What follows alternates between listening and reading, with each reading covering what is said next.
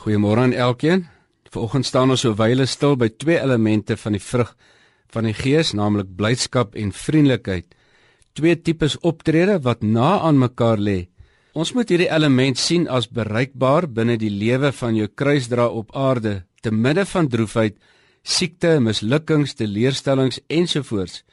Dit is nie bedoel om apart of losmakend van jou swaar kry te bestaan nie. Die Here wil hê dat ons te midde van jou moeilike lewe steeds vreugde en vriendelikheid kan uitstraal. Die vraag is weer eens, hoe kry ek dit nou reg? Hoe kan ek aan die een kant trane en smarte beleef, maar ek moet blymoedig wees? Daar is 'n paar redes. Eerstens, omdat die Heilige Gees se vrug is wat in jou werk as jy in 'n lewende verhouding met God leef.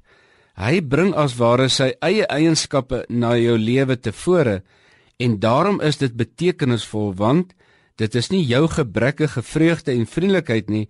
Met ander woorde, dis nie kunsmatig nie. Tweedens, omdat jy 'n verloste kind is van God, 'n oorwinnaar, daarom gee die Bybel beloftes dat niemand jou uit die hande van die Here kan ruk nie.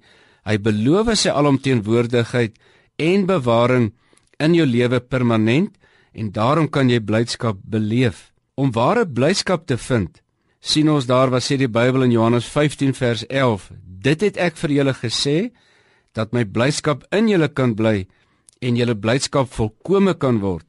Onthou ons is nie robotte dat alles in 'n oomblik verander nie. Ons is in 'n groeiproses.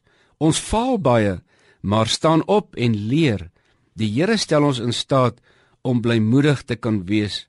Vriendelikheid is weer 'n uitwaartse optrede wat in jou hart is en na buite uitstraal. Weereens is dit die Heilige Gees se vrug wat in jou werksaam is as jy die Here dien. Ons het 'n verantwoordelikheid dat vriendelikheid sigbaar sal wees. Filippense 4 vers 5 sê: Laat julle vriendelikheid aan alle mense bekend word. Die Here is naby. Ons mag dit dus nie terughou nie, maar moet dit derentyd in jou lewe te voorskyn uitstraal. Soos ek dikwels sê, die lewe is vol seer en opdraandes baie mense gaan gebuk hieronder maar ons vreugde en ons liefde gaan help dat hulle ook kan opstaan in die lewe